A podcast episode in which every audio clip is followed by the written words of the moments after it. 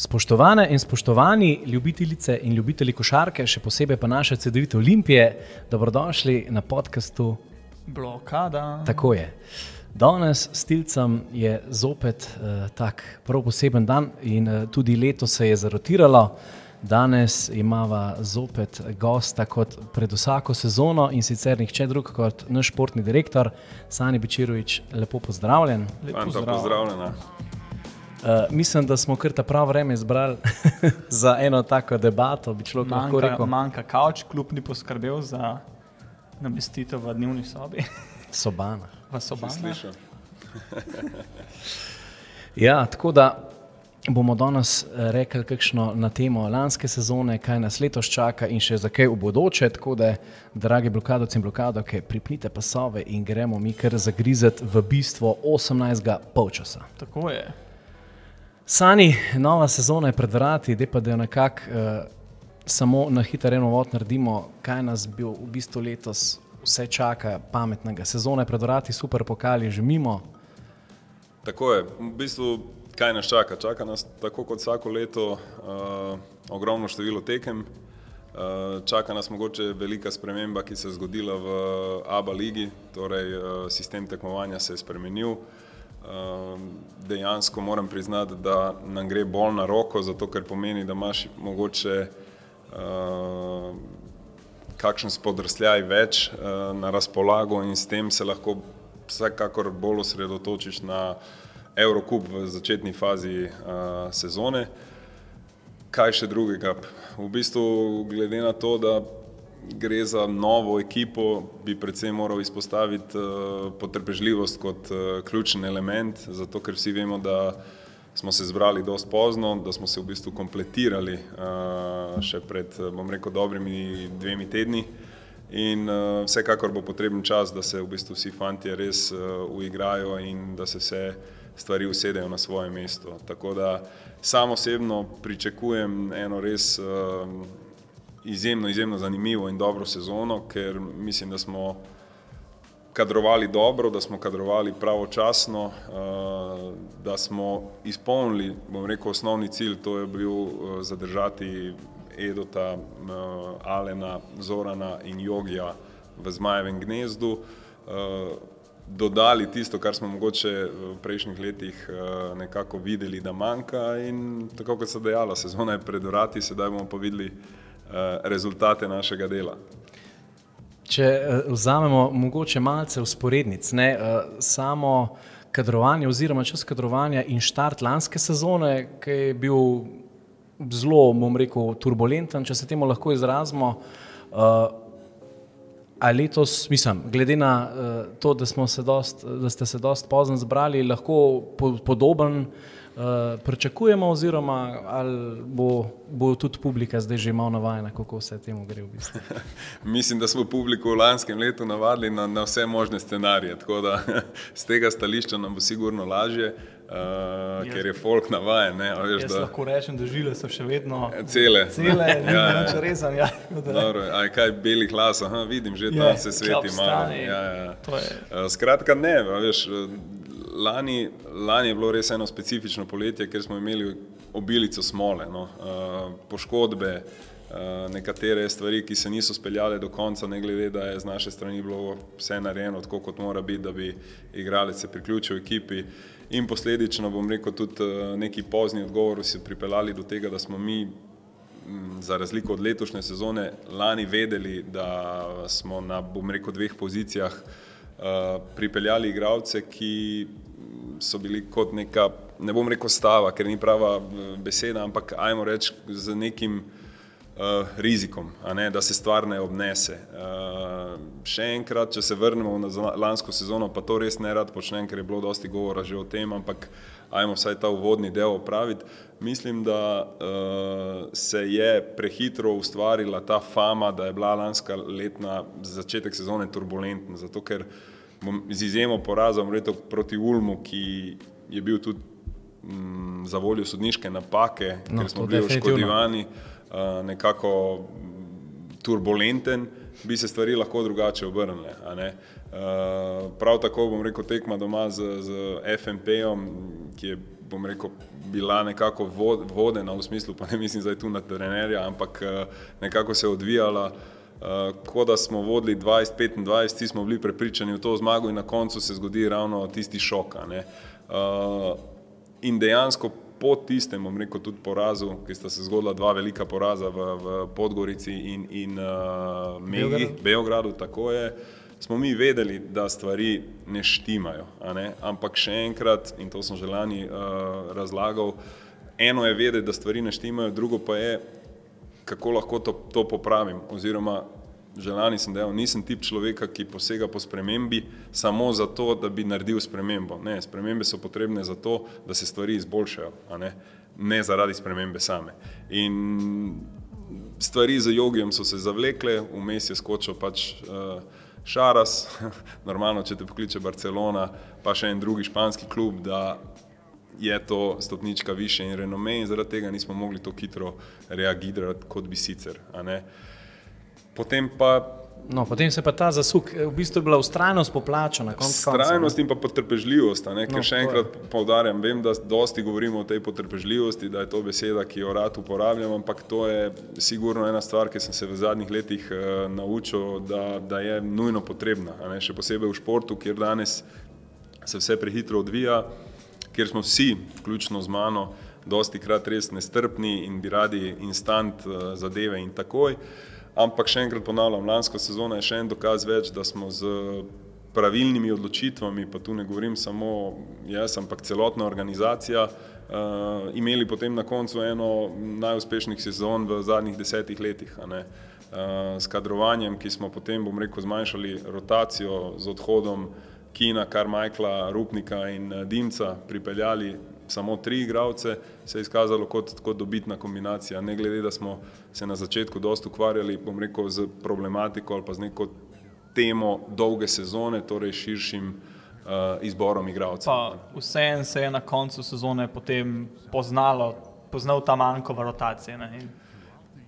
Ja, mislim, to je zdaj stvar, mogoče vprašanje bolj za trenerja, ampak če gledamo kot eh, neki navijači ali pa fani strani, bi se lahko reklo, da ja, v, v playoff tajmu eh, je sigurno dobro, da imaš kakšno telo več, eh, kvalitetno telo več. No, tudi nosilci konc koncev malo bolj sveži, ko pridejo ključne tekme. Ne? Absolutno. Kdaj pa je prišlo tisto v glave vseh, da okay, je ta switch bil preklopljen, da pa res lahko se pogovarjamo spet o nekih hudih pač vrstitvah.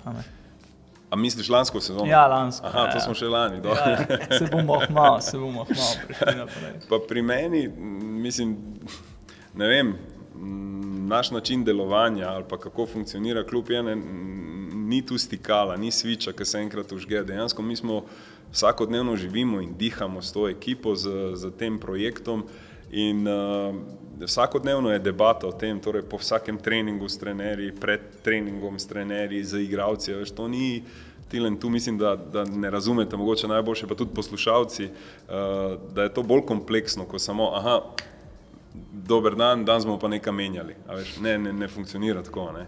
Uh, in uh, ajmo reči, da nekako mesec, mes, mesec, dober mesec v sezono smo dejansko rekli, ok, gremo intenzivno iskati menjave. Uh, tako da še enkrat, mi nismo po enem porazu ali pa po dveh porazih odreagirali.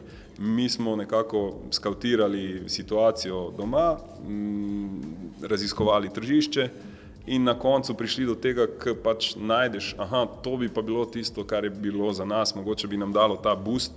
Uh, na to smo se pa odločili za, za rekel, potezo, ki se je potem izkazala za pravilno. No. Kakšno bo pa v bistvu še na koncu ulajšanje po teh treh, štirih mesecih, ki so bili res nori, končno polne stožce, končno v bistvu nek, neka kljukca, za katero se je vem, tri leta že delal, ne? oziroma še kaj več. Ne? Dobro, to, to, to je bila res uh, takšna nagrada za vse trud, uh, ki smo ga vložili v zadnjih treh letih, da smo dejansko res izpolnili to željo in cilj, ki smo si ga na zadnje zadali, da napolnimo stožice. In uh, zato gre predvsem zahvala v prvi vrsti ekipi, trenerju, trenerskemu štabu in pa, bom rekel, publiki, zvesti publiki, ki je prepoznala ta trud uh, in da dejansko res težimo k temu, kar smo na začetku obljubili. Tako da mislim, da ko potegnem črto za temi polnimi stožicami, uh, ni samo bila to neka vrsta asistencija, ker sta dva zadovoljna, ne? torej tisti, ki poda in zadane, če smo zdaj v košarkarskem žagronu, ampak je bila nekakšen trojni pas, ker so tu uživali tudi na koncu tudi eh, navijači, ki pa so, ki pa so tudi, bom rekel, zelo, zelo pomemben del naše eh, vizije in pa organizacije. Ne? Ja, mislim, da smo dovolj povedali, kar se lanske sezone tiče, ki je bila pač zelo uspešna, na koncu se je koronala tudi z državnim naslovom 3-0 proti Heliosu. Na koncu konc nam je zelo malo tudi manjkalo, da bi, kako bi rekel, še dlje prišli, ne? tista bursa pa vse skupaj. Ampak to je šola za prihodnje. Oziroma... Če potegnemo črto tle pod lansko sezono, v bistvu tisto, kar nam je bilo odzeto z Ulmom, bi nam bi lahko bilo dano za, za burso. Ne? In tiste pol sekunde je pač. Uh, To je šport. Dejansko eh, najbolj pomembno je priti do te točke, kjer si nimaš kaj očitati. In mi realno za lansko sezono si nimamo kaj očitati, ker so fantje uh, na vsaki tekmi enostavno pustili srce na parketu. In mislim, še enkrat ponavljam, vem, da so to navijači eh, cenili in tudi ja, prepoznali. Ko se jih omenil sodnike, pa to, da je bil tako Eurobasket, je bilo veliko govora tudi o teh sodnikih, pa vse skupaj. Kako se pa vi v klubu na take odločitve, ko evidentno pač sodnik ukrade zmago, konc koncev od, odzovete? Pač vse, je kakšna debata, da kaj, sicer ne moreš nič doseči, to je dejstvo. Uh, Ampak. Da prvo odgovorim na ta del vprašanja. Se odzovemo, absolutno, vedno se odzovemo. Uh, pravno in pa tudi, bom rekel, uh, na način, na kateri mislimo, da da mora obstajati neka komunikacija z, z sodniško organizacijo, z ligo samo, ne, ker eh, vsi vemo, vsi smo ljudje, vsi grešimo in napake so sestavni del življenja, ne samo športa. Uh, predvsem, predvsem pa na tekmah, kot je Olimpija. ja, mislim, je pa, je pa res, da, da za časoma se ta frustracija in pa ta meja odpuščanja ne, uh, se, se zmanjšuje. In lani smo kar, bom rekel, nekajkrat uh, dost uh, narekovajih agresivno reagirali ravno na te sodniške odločitve, ker mislimo, da smo v preteklosti bili ene parkrat pošteno oškodovani. Uh, zopet ni, da to spremeni tekmo, ampak mislimo, da si ne glede na vse zaslužimo malce več spoštovanja in pa dajmo reči nekega treatmenta uh, velikih timov. No, se to dejansko, kot si rekel, se v bistvu ti se lahko pritožiš, ne? ampak ko na koncu zmagati noben, oziroma poraziti noben, ne bo pač zrediral ven, pa ti dve piki ekstra. Točno to je, je, kar je, zgodilo se je, kar se je zgodilo na igrišču in uh, tega ne more spremeniti uh, noben pravilnik, noben zakon, nobena pritožba. Uh, je, pa, je pa sigurno dobro, da, da se izrazi nezadovoljstvo in pa mnenje, ker še enkrat ponavljam, mi rastemo kot organizacija, rastemo za apetiti. Uh, in pomembno je, da tudi okolje se tega zaveda, Eh, kaj se dogaja v Ljubljani in da, da ciljamo visoko. Da spreme te spremembe, konc konca. Ne? Absolutno. Zdaj po bistvu začetek oziroma konec um, sezone in začetek kadrovanja. Če bi tako eno grobo oceno dal, eh, lansko kadrovanje pa letošnjo, tako po aktivnosti, po počutju, po samem kolesju, a sta to dan pa noč ali je primerljivo? Ali? To sta dan pa noč, eh, pa še enkrat, če mislim, če primerjam, da mi je lani bilo izredno težko, zato ker smo imeli sestavljeno ekipo že maj, junija, recimo, pa se potem za voljo, bom rekel, poškodb, pa komplikacij, pa nepodpisanih pogodb in vsega tega malce zakompliciralo. Je pa letošnje poletje bilo res uh, ultra stresno, uh, zato ker so enostavno vsi fanti ostali brez pogodb. Uh, med samo sezono so vsi izrazili željo, da niso pripravljeni na pogovore in s tem dali pač nam do znanja, da enostavno bo treba počakati do, do konca. Uh, enkrat, ko je konec, normalno si vsak hoče vzeti tudi čas za počitek, uh, za razmislek. In tako se, bom rekel, stvar malce zavlekla, kajti verjamem, oziroma je moja želja bila, da se čim prej zaprejo ključni igravci, tiste, ki sem prej omenil, k temu dodata še dva ali trije tujci, na katere smo ciljali že, že v preteklosti, eden od njih je sigurno Josh Adams. Uh, Se, mislim, da Josh Adams se neki že lansko sezono v Avstriji govoril. Pa omenjal se že, mislim, da kar vsako leto, ampak enostavno nismo bili uh, ne finančno blizu, pa tudi uh, tako kot je sam dejal v intervjuju, mislim, da z, z efektom Slovenija in to, kar smo v zadnjih letih tudi mi naredili v Ljubljani, se stvari začenjajo počasi postavljati na svoje in je moje delo vsaj v tej smeri malo, Bolj malo opaženo. lažje in pa opaženo. Ja, tako je. Uh, in dejansko, pol, zopet, tako kot vsako leto, so bile tu neke kalkulacije, igrice, igralcev, ki pač uh, Proboje stržiti. ne, tako kot je v človeški naravi, probajo ne samo iztržiti, ampak eh, čakajo na boljše jutri. Pač Eurobasket je bil še pred nami. ne? Tako je, ne? in tu je še, še potem, do tega dela sem še hotel priti, je še veliko tekmovanje, kjer reprezentanti ponavadi čakajo, ker če se dokaže na velikem tekmovanju, je potem cena še toliko višja. Uh, tako da ja, letošnjo poletje mislim, da pa je na moji glavi pustilo, bom rekel, velik pečat teh uh, malih sivih lasekov. Ne? Ampak upam, da bo vsta trud uh, in pa sekirancija poplačana skozi sezono, oziroma sem prepričan v to. Ja. Eh, Slišali smo, da ste bili tudi v Ameriki, lahko kaj več eh, od tega povete.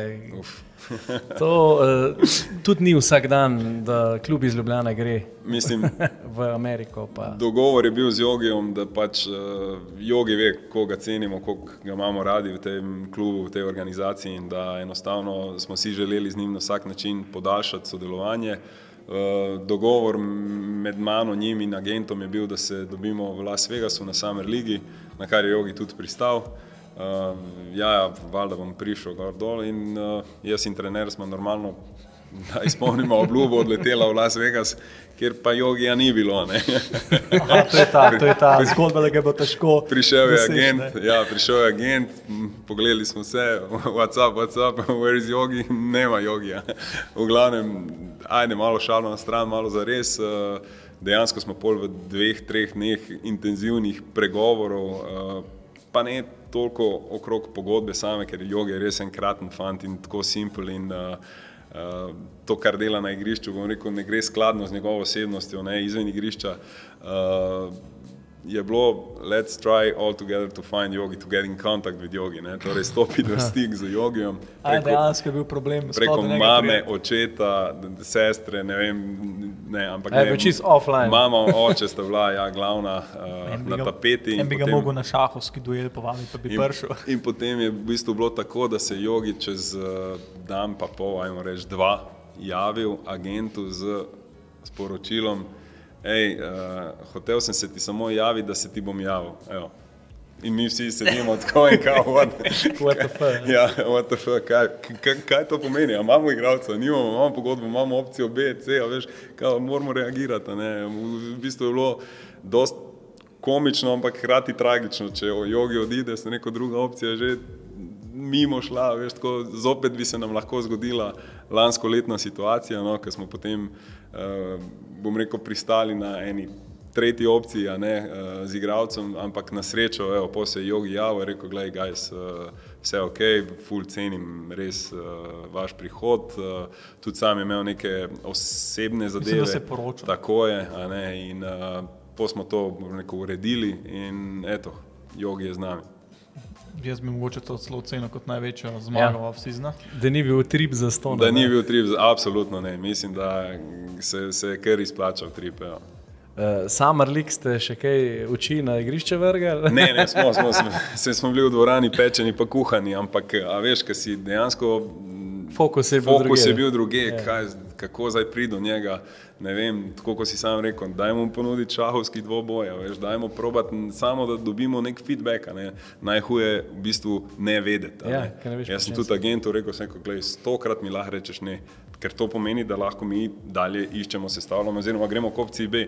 Po drugi strani imaš, bom rekel, agente, ki pritiskajo, ej, a ste se že odločili, nismo, ne moreš reči, ja, ne moramo stopiti v stik z igralcem, torej Ja. ne vemo. Ne. Skratka, bilo, je- bilo je kar pestro. No. Zanimivo. Uh, ko pa Josh, Josh Adams, ne, v bistvu nas je vse zelo. Po eni strani šokira, po eni strani pa ne. Ja, veseli nas, da je tudi Avstralska liga bila na tapeti, oziroma saj zaradi igralca. In, uh, to je bil podpis, za katerega si tudi skoraj ne bi upali, skoraj tako, kot za joge, zadržati, da, da je to možno pripeljati v Ljubljano. No? Čistko. Dejansko, glej, vsi tisti, ki me poznajo, ve, vedo, da za mene nič ni nemogoče, oziroma jaz te besede ne poznam. Uh, treba je ciljati visoko, treba je vedno, uh, bom rekel, iti v stvari, ki se zdijo nemogoče. Ne? In še enkrat, jaz si Joša, bom rekel, osebno želim tri leta v klubu. Uh, enostavno pol prideš do realnih dejstev, ali, ali je finančno dosegljiv ali ni, ali si ti njemu kot uh, organizacija zanimiv ali ne, ali je to Slovenija, ali je to Abba liga. In enostavno naše poti se v zadnjih treh letih niso uspele križati do letošnjega poletja, ko smo v bistvu res stopili zopet ta Amerika, uh, sestanek organiziran v Vegasu z njegovim agentom, kjer smo mu predstavili uh, projekt, kaj si mi želimo. Mm, še enkrat, zadnja tri leta, kar je bilo narejeno, so se dobro razširila v svet in vsi, ki so odšli od tle, govorijo samo o superlativi, o delovanju kluba in ljudeh v klubu in tako. In to mislim, da je tisto, kar počasi nam prinaša željen efekt in rezultata. Ne? In tudi uh, po prvem pogovoru z Joshom uh, sem nekako dobil vtis, wow, Mogoče ga pa. Ne, ne mogoče, this is gonna happen.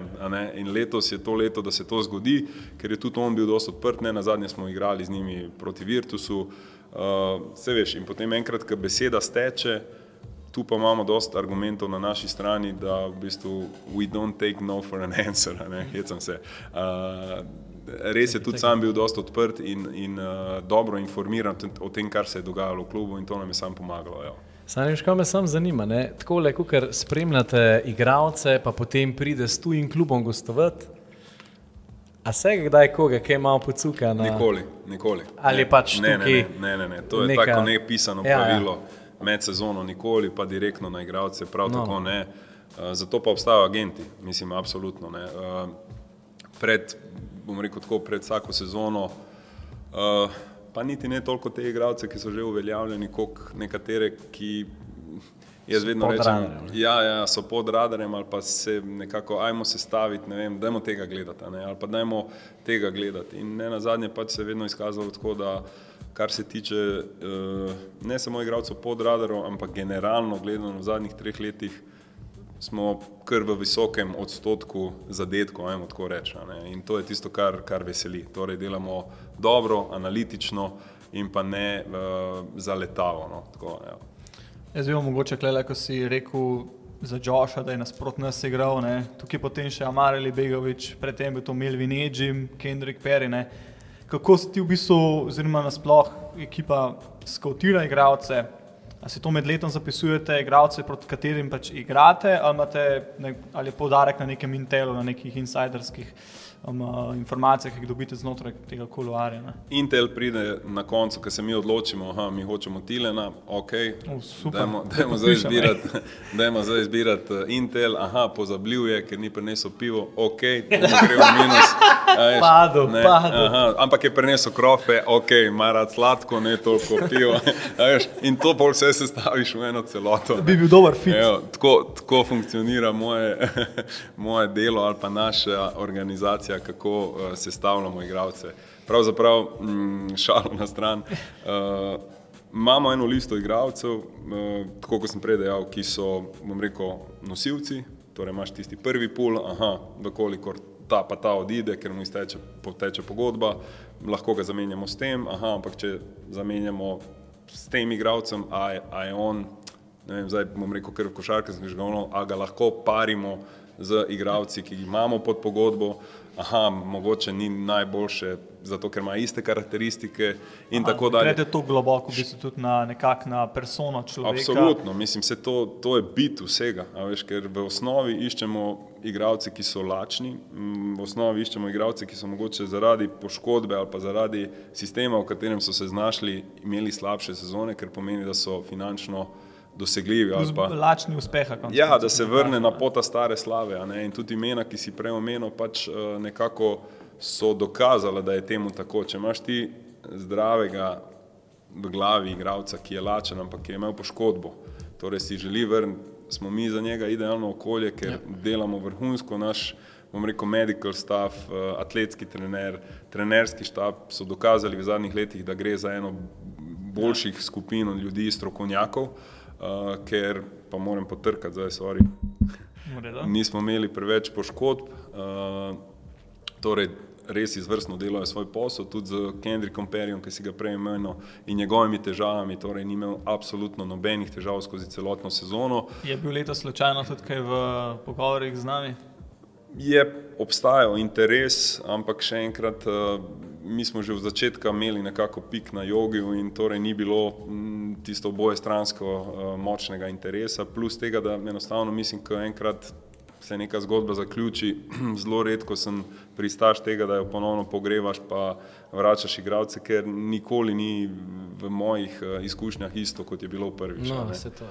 Uh, no, in pol pridem res do tega zadnjega dela, kjer pa dejansko delamo ta background check, aha, uh, se kličejo, pa bo se, zabaj, se bo sedaj smešno slišalo, fizioterapeuti, uh, bivši soigravci, torej tisto, kar se dogaja znotraj garderobe, ki je v bistvu najbolj vredna informacija, kako igralec odreagira po zmagi, kako odreagira po porazu, kako odreagira, ne vem, če je mama bolana, če je žena srečna, nesrečna. Ne? In vse te stvari treba dati v eno celoto, ker sezona je dolga, ogromno je potovanj, ogromno je pritiska, uh, takšnega in drugačnega. Priješ recimo kot COVID, ne? Dobro, dobesedno COVID. za, zaprt v COVID je pose, posebna zgodba, ampak generalno se še enkrat pravim, vete, uh, od zunaj mogoče zgleda moje delo najlažje na svetu ali pa delo bilo kjerega športnega direktora, ampak uh, sedaj, ko vas, ne vem, bom rekel, opisujem malo celotno delovanje vsega tega, je dosti bolj kompleksno in sestaviti ekipo je, je po mojem mnenju dosti, dosti teže, kot zgleda na prvi pogled. a ne. Uh, se je pa recimo, saj ne vem, iz prizme, bom rekel, svoje uh, lansko leto nekak stil igre se mi zdi izoblikoval in zagotovo je zdaj bilo konec identitete koncev. kluba, konc koncev. ne. Ja, same igre in zagotovo je bilo tudi la, lažje zdaj igralce, točen ta profil za, bom rekel, zdaj naš stil igre, no, ki je definiran. Absolutno, prav, Robin, to je to. A Mi, eh, zopet govorimo o enem procesu, ki je potreben. Eh, Da ti nekako uspeš v kratkem roku, ker mi ne glede na vse govorimo o triletnem projektu, uh, dati ta svoj štempil, dati svoj trademark, dati svojo neko identiteto ne, v okolje, je, je pa najtežja stvar. Ne. In tu predvsem mislim, uh, vsaka čast Jurici in še enkrat trenerskemu štabu, ki so bom rekel, v zelo kratkem času uspeli uh, doseči tisto, kar smo se mi vsi želeli. Moje, mo, bom rekel, moja neka osebna želja je bila to, da sledimo tem trendom in da nismo klasična ex-jugo ekipa, ki igra počasi, ki igra nekako šah, ne, Ja. ampak da postanemo res uh, Moderna. moderna, španska, vem, ali pa NBA košarka, kjer je dosti točk, kjer tudi igravci, eh, bom rekel, gledalci uživajo, pa ne na zadnje tudi igravci, zato ker košarka danes postaja uh, vedno bolj igra ena na ena, na, največ dva na dva, ne? ni več tako kot včasih, da smo res vseh pet Se bomo mogli dotakniti žoge. Samo tako, tako. Če je prvi šut v tretji sekundi dober šut, ja, we gonna take it, ne, bomo, bomo, bomo šli na to. Tako da, evo, um, upam, da, oziroma ne upam, še enkrat videli smo že na, e- na Superkupu, da se ta stil DNK ostaja? DNK ostaja da, da bomo gojili mogoče še hitrejši No, stil. s- In uh, upam samo, da bomo uspešni pri tem. Ja. Pa v bistvu zaradi tega tudi mogoče, glede na to, da bomo, mo- kot si omenil, mogoče še hitrejšo kofarko igrali, ne? a zaradi tega mogoče trpi obramba. Pač. Trpi, mislim, m, Pa logično kako je. gledaš na to, ne pač? eh, se- Logično je, da, da trpi, zato ker ti težiš k temu, da kaznuješ na eni strani, po drugi strani si pa zdaj, v, v nogometnem žargonu si pa dosti bolj ranljiv, odprt. A, In a, enostavno m, nekje se mora reskirati, po, po mojem mnenju. Zdaj, a, še enkrat mislim, da ne glede na vse, pa zdaj, če vzamemo tekmo super pokala proti Heliosu, a, so tudi oni odigrali res fenomenalno, napadalno ne, in se tekma oziroma ta uh, ri, način igre se je prevesil, da smo oboje igrali bolj napadalno, ne. kar ne pomeni, da naša ekipa ni v stanju oziroma eh, Sposobna igrati sposobna igrati. igrati tako dobre obrambe, zato ker tudi igravci so bili nekako selektirani s tem, da imamo size, torej da povečamo ta size, ki nam je mogoče manjkal v, v preteklosti, in pa da imamo uh, individualne stopere uh, in ne samo enega po poziciji. Tako da mislim, da bi, da bi morali igrati tudi dobro obrambo, ne samo sej, napad. to me zanima za naprej. Ne. Včasih se je skozi zgodilo, pač obramba zmaga tekme, napad pa pripelje na gledalce. Ne. Pa, jaz mislim, da je kombinacija obega, obo, obeh stvari. Uh, enostavno vsi vemo, brez obrambe se ne pride nikamor in to je osnova vsega. Ampak po drugi strani je pa napad tisti, še posebej v današnji moderni košarki, ki ti. Angliži pravijo, da you set the tone, a ne, daš nek ritem, daš nek, nekaj in še enkrat, veš, ti si lahko super uspešen v obrambi, ampak če ne zadaneš na drugi strani, ni, ni energije, ni motivacije, ki bi te polno za igranje obrambe. Uh, pač to je nek moja ideja ali pa način razmišljanja. Zato tudi je vedno tako, da dobri napadalci, ki je potrebno, znajo igrati obrambo. Zato, ker ga koš nahrani ali pa dobra akcija v napadu, aha, ti da tisti ekstra boost. ne. Če pa ti ne daješ na eni strani, pa, Ti tudi zmanjkuje na drugi to strani. pa ti zmanjkuje, po mojem, te neke želje, energije. Aha, zdaj te bom pa zaustavil, ker šit, ok, ne glede na to, da sem te zaustavil, ne vem, kako bom dal koš na drugi strani. Ne. Tako da, ja. Kaj pa zdaj ta pač neljuba poškodba Zokija, kako je pa to v bistvu vplivalo na stanje v pisarnah? No, ker Mislim, realno pač v tistem momentu, ko je zole padlo, mislim, da sem poslal pet mesečev, pa sem jih sprejel 25 v isti sekundi. Pač, uh, te boli, ne, boli te, ker veš, da bo to nekako setback ne samo za ekipo, ampak tudi za njega, da se vrne, da, da, da pride nazaj. Še posebej zato, ker pač z odhodom Blažota je, je Zole tisti, ki more prevzeti uh, večji del odgovornosti, tako v napadu kot v obrambi. In uh, tudi vem, koliko si on sam želel uspeha z reprezentanco, tako da je tu še ta segment ne, nekega psihološkega paca, katerega vsaka poškodba prenese, ampak v njegovem primeru mogoče še toliko več, toliko bolj.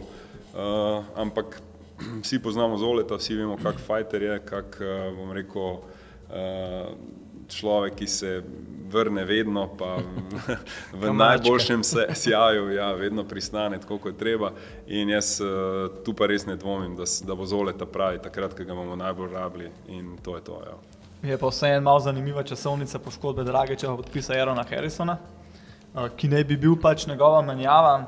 Um, eh, Glede na to, da, bil, da, da se je Zoran poškodoval 11.9., Harrison pa je bil tukaj ob, uradno objavljen 15.9., v Ljubljani je bil že 16.9. To pomeni, kak pomen, da mogoče Harrison le ni bil mišljen kot menjava Zorana Drageča, ker je to pa mogoče to to pa moram demantirati, eh, to pa moram demantirati tisočprocentno tvoje, Okej. okay. tvoje razmišljanje. Zato, ker do trenutka, ko, zole, ko je Zole padel, se ni govorilo absolutno o nobenem igralcu, niti je bilo govora, da bi kogar pripeljali v štartu sezone. Zato, ker še enkrat ponavljam, mislim, da, da imamo mm, ekipo, ki je bila sestavljena za začetek sezone in vedno je tako, da uh, si pustiš odprta vrata za neke modifikacije med samo sezono. Uh, ko se je zgodila neljuba poškodba, smo pa takoj reagirali, ker smo vedeli, da ne gre za, za bom rekel, ne manjši zvin, da je to deset dni, pa si nazaj, ampak je takoj kazalo na to in tudi prve informacije. Uh, z, v komunikaciji z zvezo, še enkrat hvala jim za to, ker smo takoj dost hitro bili obveščeni o tem, kar se je dogajalo in kar je potencijalen strah vseh nas, smo mi lahko v roku 48 ur že reagirali. A, dejansko bilo to hitro. Dejansko ja, dejansko z Harrisonom nismo govorili do tistega trenutka, dokler se ni zgodila. Sploh ni bil opcija, mislim, tako Aha, okej. realno. Ne. Se pravi, če potegnem ven iz tega, pred prihodom Harrisona ste v bistvu vi že zaključili s kadrovanjem za. Absolutno. Aha, Ja. okay. No, to je zdaj zaprl kar nekaj Ja. vprašanj. Sani sem to, da eh, ti poveva, pač bila je na, najnu, na našem forumu odprta možnost za uh, vprašanj, uh, zastaviti za tebe in je bilo tri strani vprašanj, pa še vsakih enih pet dal, tako da bo mrskej še kaj, tazga preletelo. Okay. Um, drugače pa Ker je. konc koncu, konc koncu je pač ta podcast iz tabo ena, tako bi rekel, fina priložnost, da navijači dobijo največ odgovorov preko najo iz tvoje strani. Glej, jaz pa z druge strani evo, dobivam vse te teorije zarote, pa aha, mind game, sigurno so že mislili prej o njem, pa imeli so ga že v pacu pripravljenega in tako dalje. Ne, evo, vidim, okay. vidim, kako to funkcionira, ampak ne, še enkrat, evo, da potegnemo črto, vkolikor se Zoran Dragič ne bi poškodoval, uh, Aaron Harrison ne bi bil v Ljubljani oziroma niti bi kdorkoli drug aha, uh, okay. prišel v, v, v ekipo. Okay. Uh, ja, letos uh, so zadeve pod košem, se mi zdi, se še kar konkretno ojačale s prihodom Ali Begoviča, tudi uh, podpis oziroma nadaljevanje pogodbe Matkoviča, ki je bil na letošnjem naboru zelo aktiven. Um, kaj v bistvu zdaj to pripomore, ker zdaj imamo konec koncev tudi uh, med, med uh, igralcev 4-5, ki je lanskih bil kar malo manjko.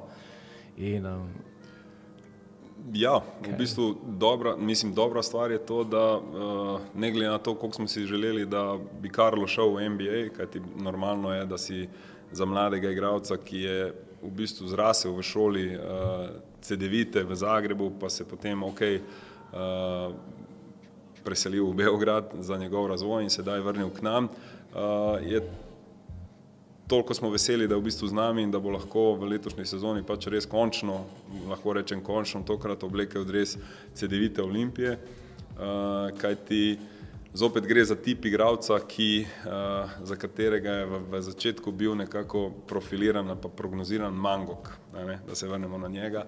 Uh, torej, atlet, izjemno, izjemno vertikalni igralec, ki je po naravi shot blocker, eh, oziroma vedno je ta z njegovo prisotnostjo na igrišču tudi ta strah, nekakšen rim protector, točno to.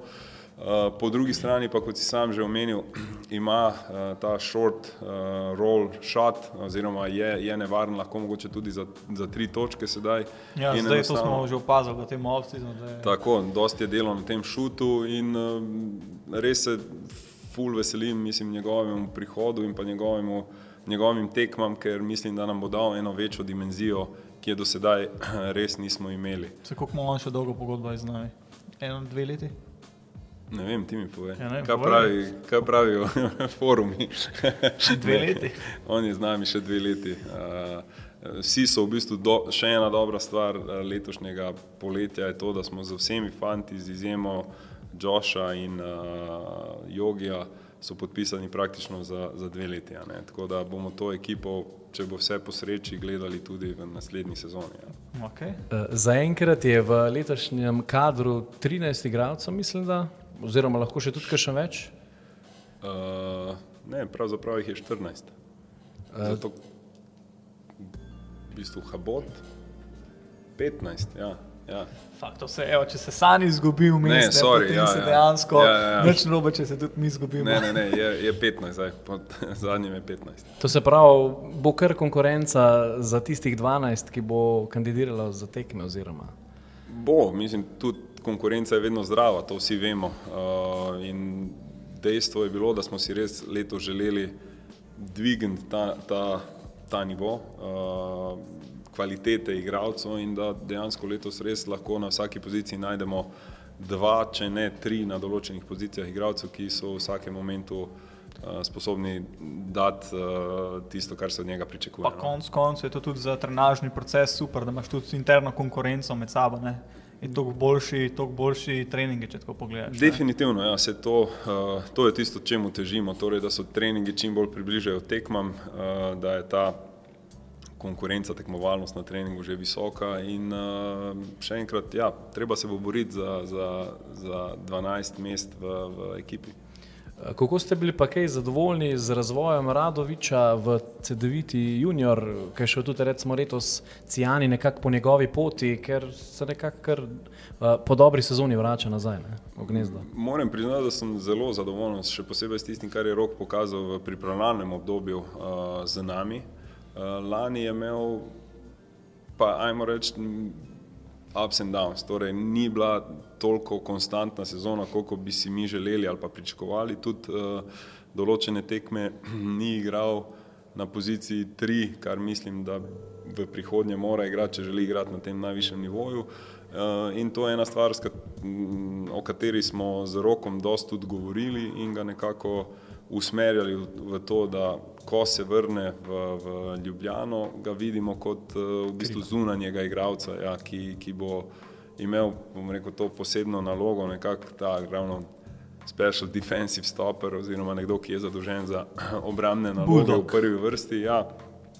Po drugi strani pa se mora nekako navaditi, uh, da je dosti bolj agresiven v napadu ker se vsi vemo, da v današnji košarki je ne mogoče igrati 5 na 4. Uh, in uh, rok je prišel za to, bom rekel, idejo in se je vključil noter, tako kot, se, kot smo si želeli. In uh, sedaj, nažalost, uh, je out zaradi manjše poškodbe, ki je staknil na super kupu. Uh, ampak uh, ne dvomim, da, da, da se bo hitro vrnil in da bomo v bistvu res mogoče doživeli leto že ta naslednji korak Roka Radoviča v, v CD-viti v Olimpiji. Mene je v bistvu pa tudi eh, še ena stvar zanimiva. Ne? Zdaj podaljšal se je tudi uh, Mirka Mulaliča, um, ki je, sicer mi nismo mogli spremljati pripravljenih tekem, po statistiki gledano, kar trgo ga. Nekaj vroč. In zdaj, kaj se kle dogaja? Mire je pa eden tistih, ki je prišel pa res najbolj spreman in uh, za razliko od lanskega leta je tudi uh, treniral celo poletje. Um, in še, še, še en razlog več, bom rekel, uh, oziroma dokaz več, da pač uh, imamo letos izjemno, izjemno ekipo, torej ta miks nekako izkušenih igralcev in pa mladih, ki smo jih prej omenili, Matkovič, Nidič, Radovič ali Begovič, uh, ki bodo dajali to neko mladostno energijo, a po drugi strani imajo pred sabo uh, ljudi, igralce, od katerih lahko se dosti kaj naučijo, ki pa tudi niso za staro šaro ne, in, so, in so tu, da pokažejo svoje zobe uh, oziroma ne predajo svojega mesta. Tako da ma, čaka nas zelo, zelo zanimiva sezona. Jo. Ja. Jaz bi se mogoče še mečkan nazaj vrnil na Laura Gnidiča, kakšni so pač iz njim plani. Ne. Ve se, da je velik potencial in vse skupaj je na dvoletni pogodbi. Zdaj prvo leto se nekako pričakuje strani navijača, da se bo še malo lovil na tem nivoju, ne? Potem pride že to drugo, njegovo zadnje leto na pogodbi z nami, ne? pa da bi takrat nekako nekaj pokazal že in nam lahko že konc koncev pobegne. Ne? V bistvu, glede Lovra je tako, uh, sam si že vse omenil, vemo za kakšen talent gre, vemo za kakšen tip igralca gre. Uh, pri njemu pa če se zdaj tako najbolj enostavno izrazim, je potrebno samo nek fine tuning. Naštelati. Naštelati ga, evo, super. In, in tisto, kar je najbolj pomembno, če želimo, da doseže uh, nivo talenta, ki ga ima v sebi, uh, doseči, da bo konstanten. No. Uh, to ne bo lahko, normalno gre za mladega igralca, ki je prav tako naredil korak naprej. Konkreten, konkreten korak naprej. Uh, do sedaj je igral samo v Ciboni, Zagreb, igral je samo Abu Leigo. Um, mislim, da mu je ta epizoda na Evropskem prvenstvu sigurno pomagala, uh, saj je imel rekel, priložnost igrati na, na največjem odru, Evropskem odru in se preizkusiti proti najboljšim evropskim igralcem. Po drugi strani osebno bi si pa res želel, da bi bil recimo pripravljeno obdobje z nami, kajti na ta način bi ta adaptacijski čas z trenerjem, z svojimi igralci, z vsemi temi, ki so nekako, uh, bom rekel, otroške bolezni, ki se morajo zgoditi znotraj ekipe, bi jih prebrodil v prisiznu in ne, ko se tekmovanje začne. Ne. Ampak še enkrat, uh, mi smo zato tudi, da mu pomagamo uh, in mislim, da bomo, še enkrat pravim, da bomo zelo zadovoljni z, z Lovrom na dolgi rok. No, se po eni strani je bil ta Eurobase, kar se tega pripravljalnega obdobja tiče, ni lik dober del mogoče ekipi. Ne? Kar se tiče igravanja teh glavnih igralcev, potem po drugi strani ste imeli pa ekstra priložnost testirati tudi neke nove, mlade igralce. Ne. Tukaj ste bili tudi iz CD-vite um, junior, ne, uh, Vito. Kucič, pa še ja. Batinič. Batinič, tako je. Tako je. Uh, ja, še en dokaz več, da v bistvu uh, je naš obseg dela ali pa razmišljanje, ki ga moramo pri tem uh, imeti, uporabljati, je always outside the box, torej vedno razmišljati, uh, kako čim bolj omogočiti ekipi, da ne čuti pomankanje igralcev, da ne čuti pomankanje bom rekel, vseh stvari, ki so potrebne za normalen trening in pa trenažni proces. In mi smo uh, že lansko leto smo priključevali, lani bom rekel, pa tudi letos je bil z nami Žiga Danev, lani so bili še tle Miha Crkvenik, ki nas je zapustil in pa Jurko, Jurkovič, Robert Jurkovič, tako je. In pa bom rekel, naš nekako podmladek ali pa igravci, ki so v Zagrebu, na katere računamo oziroma mislimo, da bi v prihodnosti lahko, lahko igrali za, za CD-vito Olimpijo. Ne. In uh, še enkrat se je to izkazalo za, za dobro potezo, kajti oba igralca sta uh, bila izredno zadovoljna, videl se je tudi napredek in upam, da bo tudi ona dva imela uh, vrhunske sezone letos, tako da naslednjo leto nadaljujemo. Ja. Kateri mladi igralec pa ne bi bil vesel ja. sodelovati na treningu CD-vito Olimpije? Res je, res je. Pa zdaj, ko smo tukaj že nekako od CD-vito junior, pogovarjamo o našem bratu, uh -huh. konc koncev, imamo pa kle še zdaj Ilirijo. Ne?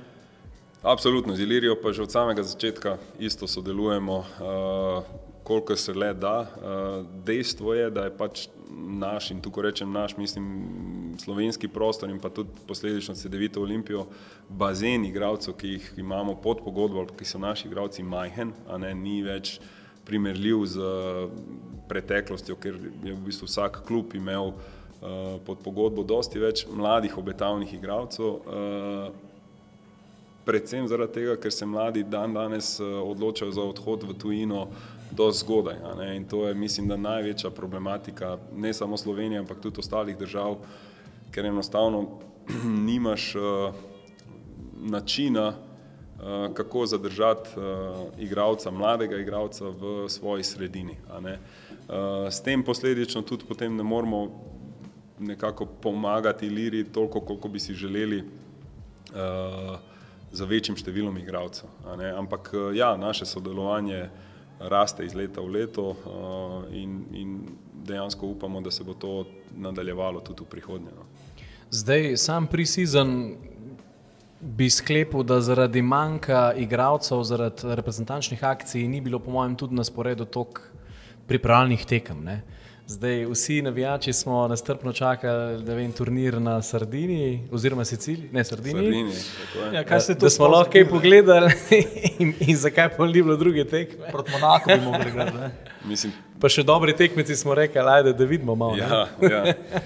Ok, prva tekma, že, že, uh, ja, že sodniki. že ne, ne, ne, ne, ne, nisem ta tip.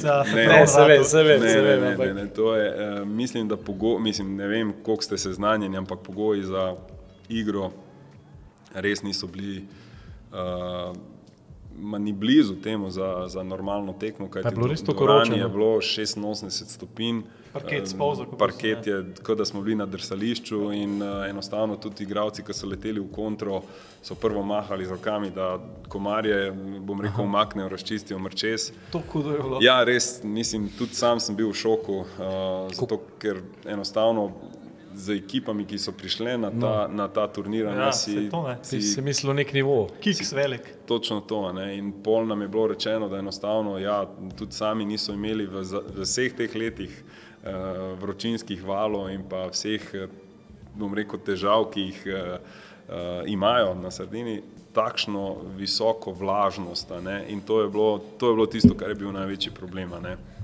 Hvala lepa. ker je v dvorani res bila, ne vem, hecam se, bilo je verjetno 30-35 stopinj, pa okrog 80% v- vlage. a ne, In to, to je tisto, kar potem v bistvu je ne mogoče igrati, žoga drsi, roke so Ja, ja, mokne. Mi, samo, ker smo sedeli, smo bili totalno premočeni ob strani. a Ne, Pa in, imamo pauze. Sam kako, da se ni. Samo, samo robi. Hvala ti, ne. Nikoli te ne bomo pozabili. In da, te, in da te revma ne bo po te roki nikoli šla. hvala, pivovarna Union, moramo tudi reči. Evo, evo. Ja.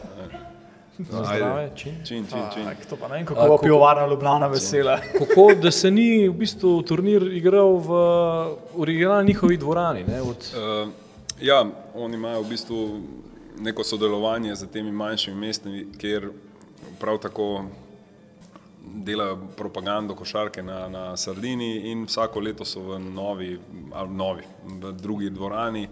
Uh, letos je pač res bilo tako, da je to mm, stara dvorana, v kateri se je že igralo, pa so jo potem obnovili in so hteli na ta način nekako zopet narediti Neko eno otvoritev. slavnostno otvoritev. Ampak še enkrat, ni, enostavno ni, uh, ni uspelo po njihovih načrtih. Zakaj se ni igrala tretja tekma? Zato, ker uh, Ker italijani so jo, ne, pa ja. Ja. izraelci. Ne? Oni so odigrali normalno, mi pa Monako, predvsem zaradi tega, ker se je pri Monaku sta se poškodovala dva igralca, med drugim so tudi govorili, da ima James neke težave z zadnjo ložo. Morman je prepono, se mi zdi, nategnil, ker je mu spodrsnilo. Uh, v bistvu nismo želeli riskirati, ni mi, ni oni, da se, da se Pametno. nekaj zgodi. Uh, prav tako pa je v bistvu tekma za tretje mesto bila do, uh, dosti prej. Torej, oni so igrali podaljšek, mi smo igrali in, uh, in enostavno smo potem rekli, da, da ne. Monako je prav tako, mislim, da celo v isti noči ali takoj drugi dan zjutraj spakiral in odšel, tako so bili jezni. Uh, Mislim, vse skupaj, generalno gledano, res je, je bila škoda, da nismo imeli še ene močne tekme, ampak uh, že sama tekma z, z Dinamo Sasarjem je, bila, je bila kar poslastica, no, za, če gledamo, da, da je šlo za pripravljalno obdobje. Ja, zdaj prej smo se pogovarjali tudi o, pač o mladih, rekel si, da jih tudi veliko pač pobegne v tuje klube. Ne? Kako ti gledaš na te, na rekovajih, še enkrat rečem, Pobege. pobege, predvsem v Španijo v zadnjih letih. A je res to domače okolje, ne vem, v narekovajih, za nič za razvoj, ali kaj je tista razlika? so premalo ki- tudi igralci potrpežljivi, da kar jutri hočejo no biti to. že člani Tako je, prva tako. peterka. Mislim, da je to sigurno en segment problema, torej ta potrpežljivost ali pa nekako obljuba um, ali pa efekt Luka Dončić v tem primeru. a ne. Vsi vemo, koliko pozitivnega je Luka naredil za, za Slovenijo, pa za slovensko košarko. Med drugim se pa zgodil mogoče ta negativen efekt, ker fanti zdaj razmišljajo, ok, če gremo v Španijo, bom novi Luka Dončić eh, samo z dejstvom, ker sem pač šel v Španijo. Ne. Um, mene osebno izjemno to boli, zato ker vsi vemo, da smo v preteklosti dejansko vsi zrasli in postali uspešni znotraj Doma? Slovenije, znotraj slovenskih klubov. Uh, Danes pa, danes pa se dogajajo res te množični pobegi uh, mladih igralcev, pa še enkrat ne samo, ne samo v Sloveniji, vsi se pogovarjamo s to, uh, vsi se ukvarjamo s to problematiko, kjer se tudi recimo srpski klubi uh, ali pa skandinavski. Ne, Ja, gor jih kar zropajo Ja, španci. ne. ja, jih izropajo. To je dobesedno rop, ne. Ja, Estonija, a ne, Finska. Finska, Danska, ne vem, eh, dosti igralcev odide in ti ostaneš, bom rekel, os- osiromašen. Ne. Tisto, kar jaz lahko povem, so pa dejstva. Enostavno nas uh, ni bilo dolgo na mapi, uh, predvsem v, v teh, bom rekel, um, mlajših kategorijah. Lansko leto smo pa uspeli organizirati recimo prvič v zgodovini Euroligaški turnir se to Adidas ponovi, Next je Generation. super. Je bilo super in vsi so bili izjemno, izjemno zadovoljni. In en Real Madrid, ki zelo redko pohvali, uh, vsaj tako so mi rekli, je v bistvu poslal veliko zahvalo in pa pohvalo organizacijo. Tako da še enkrat več smo dokazali, ne samo kot klub, ampak tudi kot mesto Ljubljana, da smo košarkarsko mesto, košarkarska država in da bi se morali nekako redno udeleževati takšnih uh, uh, Turnirjev. tekmovanj, turnirjev. Ne. Prav tako je bil organiziran uh, ABA liga uh, mladinski turnir v Ljubljani, 19, kjer smo prvič v zgodovini tudi kluba pač bili uvrščeni na Final Four. In s tem še enkrat več dokazali, da ne glede na kar govorijo zlobni jeziki ali pa ulice ali pa ne vem, se v Ljubljani dobro dela. Uh, in dokaz temu so rezultati, ki pa jih ne moremo oporekati. Ne. Tako da, vse pravim, jaz si želim, da bi v prihodnosti v bistvu imeli možnost uh, ne vem, dobiti talent, ki ima 14-15 let in ga izpiliti do konca. Ne. Je pa vsekakor za to potrebno še enkrat potrpežljivost in pa čas, da, da uh, se vse komponente usedejo na svoje. Evo. Tekom prejšnje sezone je po mojem nekim pavšalnim navijačem šlo preko um, oči in Radarja. radarja. Nam pač to ni šlo. Um, Džibril Samba je prišel v Cedovito Olimpijo. Pa me samo zanima, kaj se z njim zdaj dogaja. trenira, napreduje, uči se slovensko, angliško, vse. Uh, ja, Džibril, mislim, sam je bil pač. Eden... Pa še če ga lahko malo pišeš, ker je toliko malo informacij o njem, da, o njem, da res pač. Raje ne bi, ker naj ostane tako, kot je. Uh, Aha, okay. Pustimo se presenetiti enega dne. Gre v bistvu za mladega fanta iz uh, Senegala, ki se res je nam pridružil lani. Uh, in mogoče bo ravno on eden tistih, ki bi lahko bil menik za novo CD-vito Olimpijo, pa za razvoj igralcev, tako kot je to bilo včasih v preteklosti. Ja, ja, je zanimivo. Uh, zanimivo, da. Tri ure. A ja, ok, moja mal beži naprej. Ne? Ja, ja, sorry, sorry. Ne, je zanimivo, da po dolgem času zopet bomo rekli, smo dobili enega mladega tujca, ker v tvojih časih bil, so bili prišleki iz Gruzije in z daljnih krajev kar pogosti.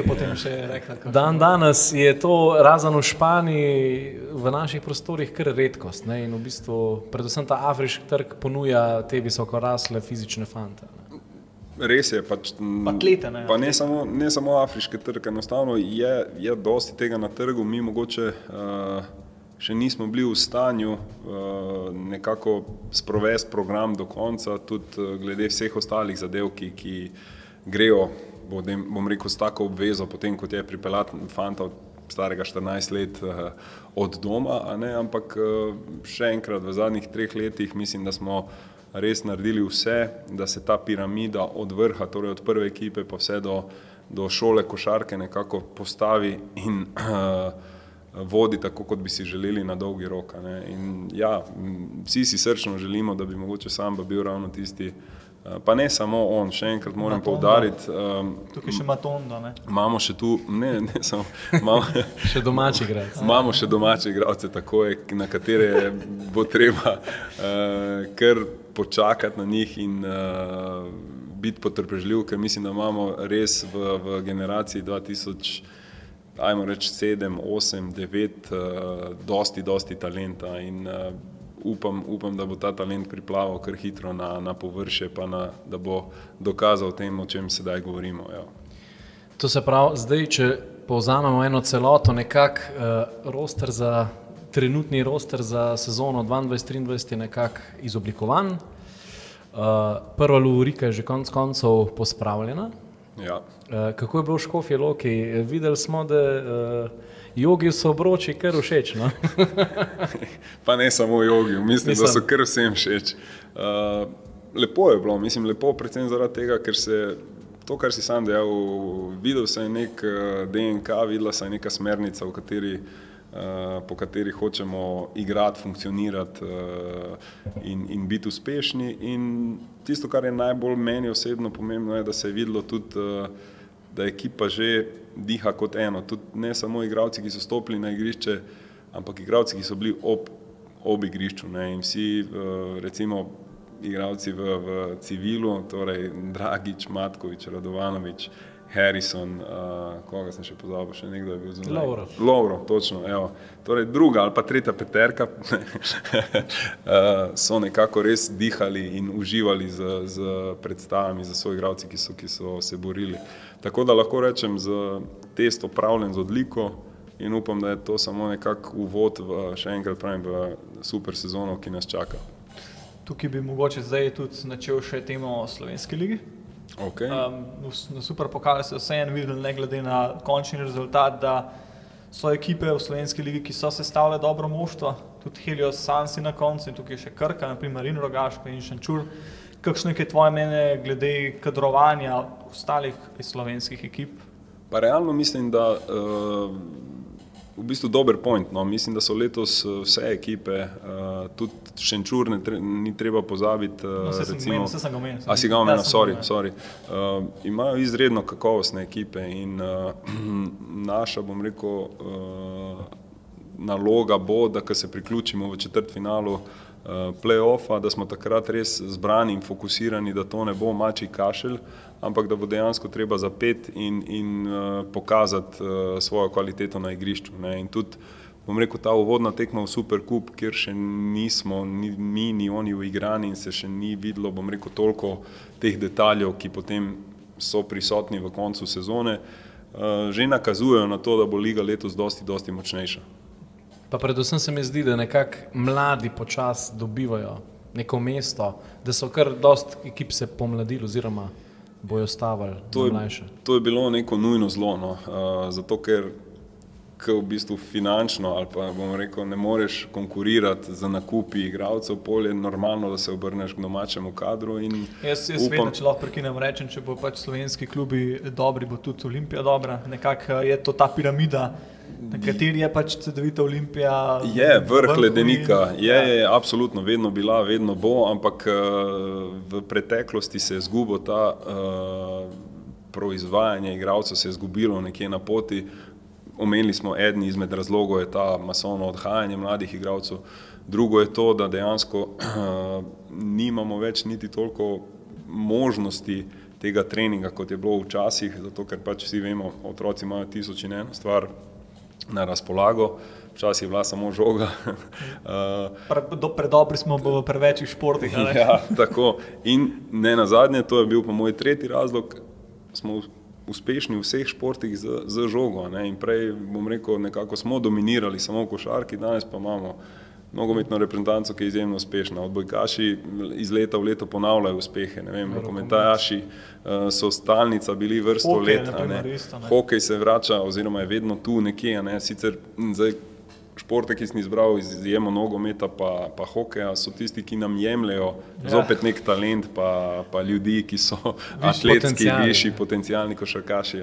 Tako da, se pravim, jaz uh, v bistvu si samo želim, da bodo te manjše sredine, tu ne mislim zdaj slovenske prvoligaše, ampak manjše sredine, začele zopet masovno nekako se ukvarjati za proizvodnjo igralcev, ki potem privede do slovenskih prvoligašev. Ja, saj to je. In pa potem imamo mi, bom rekel, ta privilegij, da nekako izberemo uh, izmed njih nekoga, ki se potem, uh, bom rekel, razvije v vrhunskega igralca. ja. Zdaj tudi nekako Koper se proba nazaj spet postavljati, kot bomo videli, pač, kaj bo s tem. Sanje mene pa zanima, glede na to, da si ti iz bistriških koncev, kakšno je stanje košarke Maribor okolice, ne? kozjanci se ne dajo, ne? Bi bilo boljše. kozjanci imajo tri La bi prvoligaše, bilo, la bi bilo boljše. kaj je. bistrca, konice, Maribor, kaj veš? To je, ne, v bistvu tisto, kar vem, uh, ni tisto, kar bi si želel. Evo, tako, dajmo reči, realno stanje je, je takšno, kot je.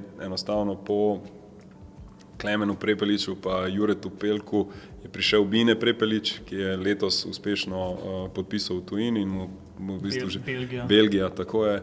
Želim srečo, da nekako tam začne v bistvu pravo to pot v, v tujini. Uh, Bine Prepelič je bil tudi v igri z Olimpijo. Eh, Bil, tudi so obstajali neki pogovori, neka ideja, kako ga priključiti, uh, ampak na zadnje mm, se je odločil tako, kot se je in v bistvu mu lahko želimo samo srečo. No, to ne bi, ne bi rad šel. To, tisto, kar sem hotel povedati, je, da uh, vrsto let so vedno iz štajerskega konca prihajali pač, uh, igravci, ki so potem igrali uh, bodi si ali slovensko ligo ali ABA ligo ali pa na zadnje tudi Euroligo. In boli to, da nekako ne uspemo, pa v tem primeru bom rekel, uspemo uh, spostaviti nekega stika z štajerskim koncem, kjer bi deloval, bom rekel, en močen prvoligaš v Mariboru oziroma ABA dva ligaš, ja, da bi imel poligon za vse te fante, ki, ki so tam. In, Še z eh, tistega konca Slovenije. Ne, da se- Absolutno, absolutno. Ne. Tako da, dajmo samo še to, uh, tekma z borcem se bliža. Uh, kakšne so pričakovanja, mogoče lahko kakšno tiho željo poveš, kaj bi si želel za prvo tekmo, število. 7000 gledalcev v Stožicah naj pridejo, pa makar v rdečih majicah, ampak No, ne, ne, ne, no, ne moreš hecam se, hecam se, hecam se, se veste, da se rad hecam. zelena, ne. Uh, ne, res bi si želel, uh, da nas navijači uh, pridejo podpret, zato ker uh, fantje to v prvi vrsti rabijo, v drugi vrsti uh, tekma ne bo lahka, vedno so te prve tekme neugodne, še posebej Borac, ki je sestavil dobro ekipo, uh, igrajo klasično, narekovajih srbsko košarko, fizično uh, v obrambi, v napadu pa te lahko kaznujejo iz vsake pozicije, predvsem uh, so letos nekako popravili ta šuterski segment, že lani so bili, ampak letos se mi zdi, da še dosti bolj uh, nekako Bodo nevarni. bodo nevarni. Ja, Kar imajo veliko to- so zadržalne, tako da Ja. imajo ogrodje ekipe ne postavljene že od lani. tudi. Točno to, treba- ekipa- Vedno treba batne. Vse to je ravno tisto, ekipa, ki ostane skupaj, je na začetku sezone dosti bolj nevarna. Ne? Ekipa, ki je ostala od lani skupaj, je na začetku sezone dosti bolj nevarna, ker še ni elementov razočaranja, poškodb, potovanj in tako dalje, ampak pride s tisto, bom rekel, Nahajpana. nahajpano energijo, lačno energijo in uh, čaka nas izredno zanimiv obračun. No. Jaz uh, upam, ja, da bomo na koncu lahko rekli, sani nisi imel prav, pa bomo zmagali za 25, ampak uh, raje sem pri tej prvi tekmi vedno previden. No. Zato še enkrat uh, vsi navijači pridite v nedeljo v Stožice, navijati, podpirati uh, in da na pravi način odpremo letošnjo sezono, ki si vsi skupaj želimo, da bi bila izredno, izredno uspešna, oziroma še bolj kot tista lansko leto. No, jaz sem tako rekel, ne. če bo tako not letel, kot zdaj le vidimo, potem, potem bo dobro. ne. Zeleni vodijo 47, Ja, 21, pa si pa predstavljate. Dobro, Tako da. Hvala. Ja. Sani, hvala lepa, da si eh, zopet sodeloval pri odprtju sezone, tudi eh, na podkastu Blokada. Eh, Veliko sreče, Hvala. zdravja predvsem. Pa imeli zdrav. navijači, čim manj požrti živcev. No. Zato ne morem odgovarjati ali pa trditi, ampak uh, se bomo potrudili, ja, da bo čim več tekem plus 20, da bo tilen miren. Ne. E, in to je to. las. Eni Hvala imamo vam, še lase, eni jih nimajo več. Ne, tako da- Hvala lepa. Evo, hvala Sani še enkrat. No. Hvala vama. Čau. Ej, folk, ni še konc, čeprav smo se že poslovili, ampak uh, ja, kaj pa je? letos eh, blokada neki, neki ima, ne, tilc. Nekaj pripravljamo, Uh, za, nekaj specialnega v bistvu. No. za vse tiste, ki bi rad podprli ta najmen projekt in konec koncev še imeli nekaj od tega, a ne, Ja, tako je. uh, smo naredili blokada membership. Ja, membership, blokada, klub, blokada, članstva, nekaj v tem smislu. Neobvezujoča stvar bi najprej izpostavil. Gre se predvsem za to, da se nekako podpre projekt. In sicer um, so bile v tisk dane članske kartice. Um, cena enega membershipa bo znana v soboto, ko bo narejena tudi objava. Um, bo pa v ta membership in za vse imetnike naših članskih kartic um, bo v bistvu imeli vsi neke ugodnosti tudi. In, uh, Da postanete legit član. Ja, ja, ker Podcasta vsak, tisti, ki ne bo imel tega membershipa, ne bo kul. Cool, no. Jaz bi tako rekel, v zameno boste pa dobili neke zelo fletne bonitete. na takih punktih, ki jih zagotovo imate radi, pa jih boste zaradi tega mogoče še kaj bolj koristili in obiskovali. Točno tako. Točno tako, no. tako da v bistvu za konc, konc, kot si rekel, je prav, da še za to malo tizere narediva. Več pa v soboto, ko bo narejena objava in vse informacije bodo zajete v, v tem. No. Tako da postanite član podcasta Blokada. Ja, v bistvu našega kluba podpornikov, Tako je. da boste ležite. Tako da v soboto čekajte in se pridružite. Točno tako. Jo. Hvala lepa še enkrat za poslušanje.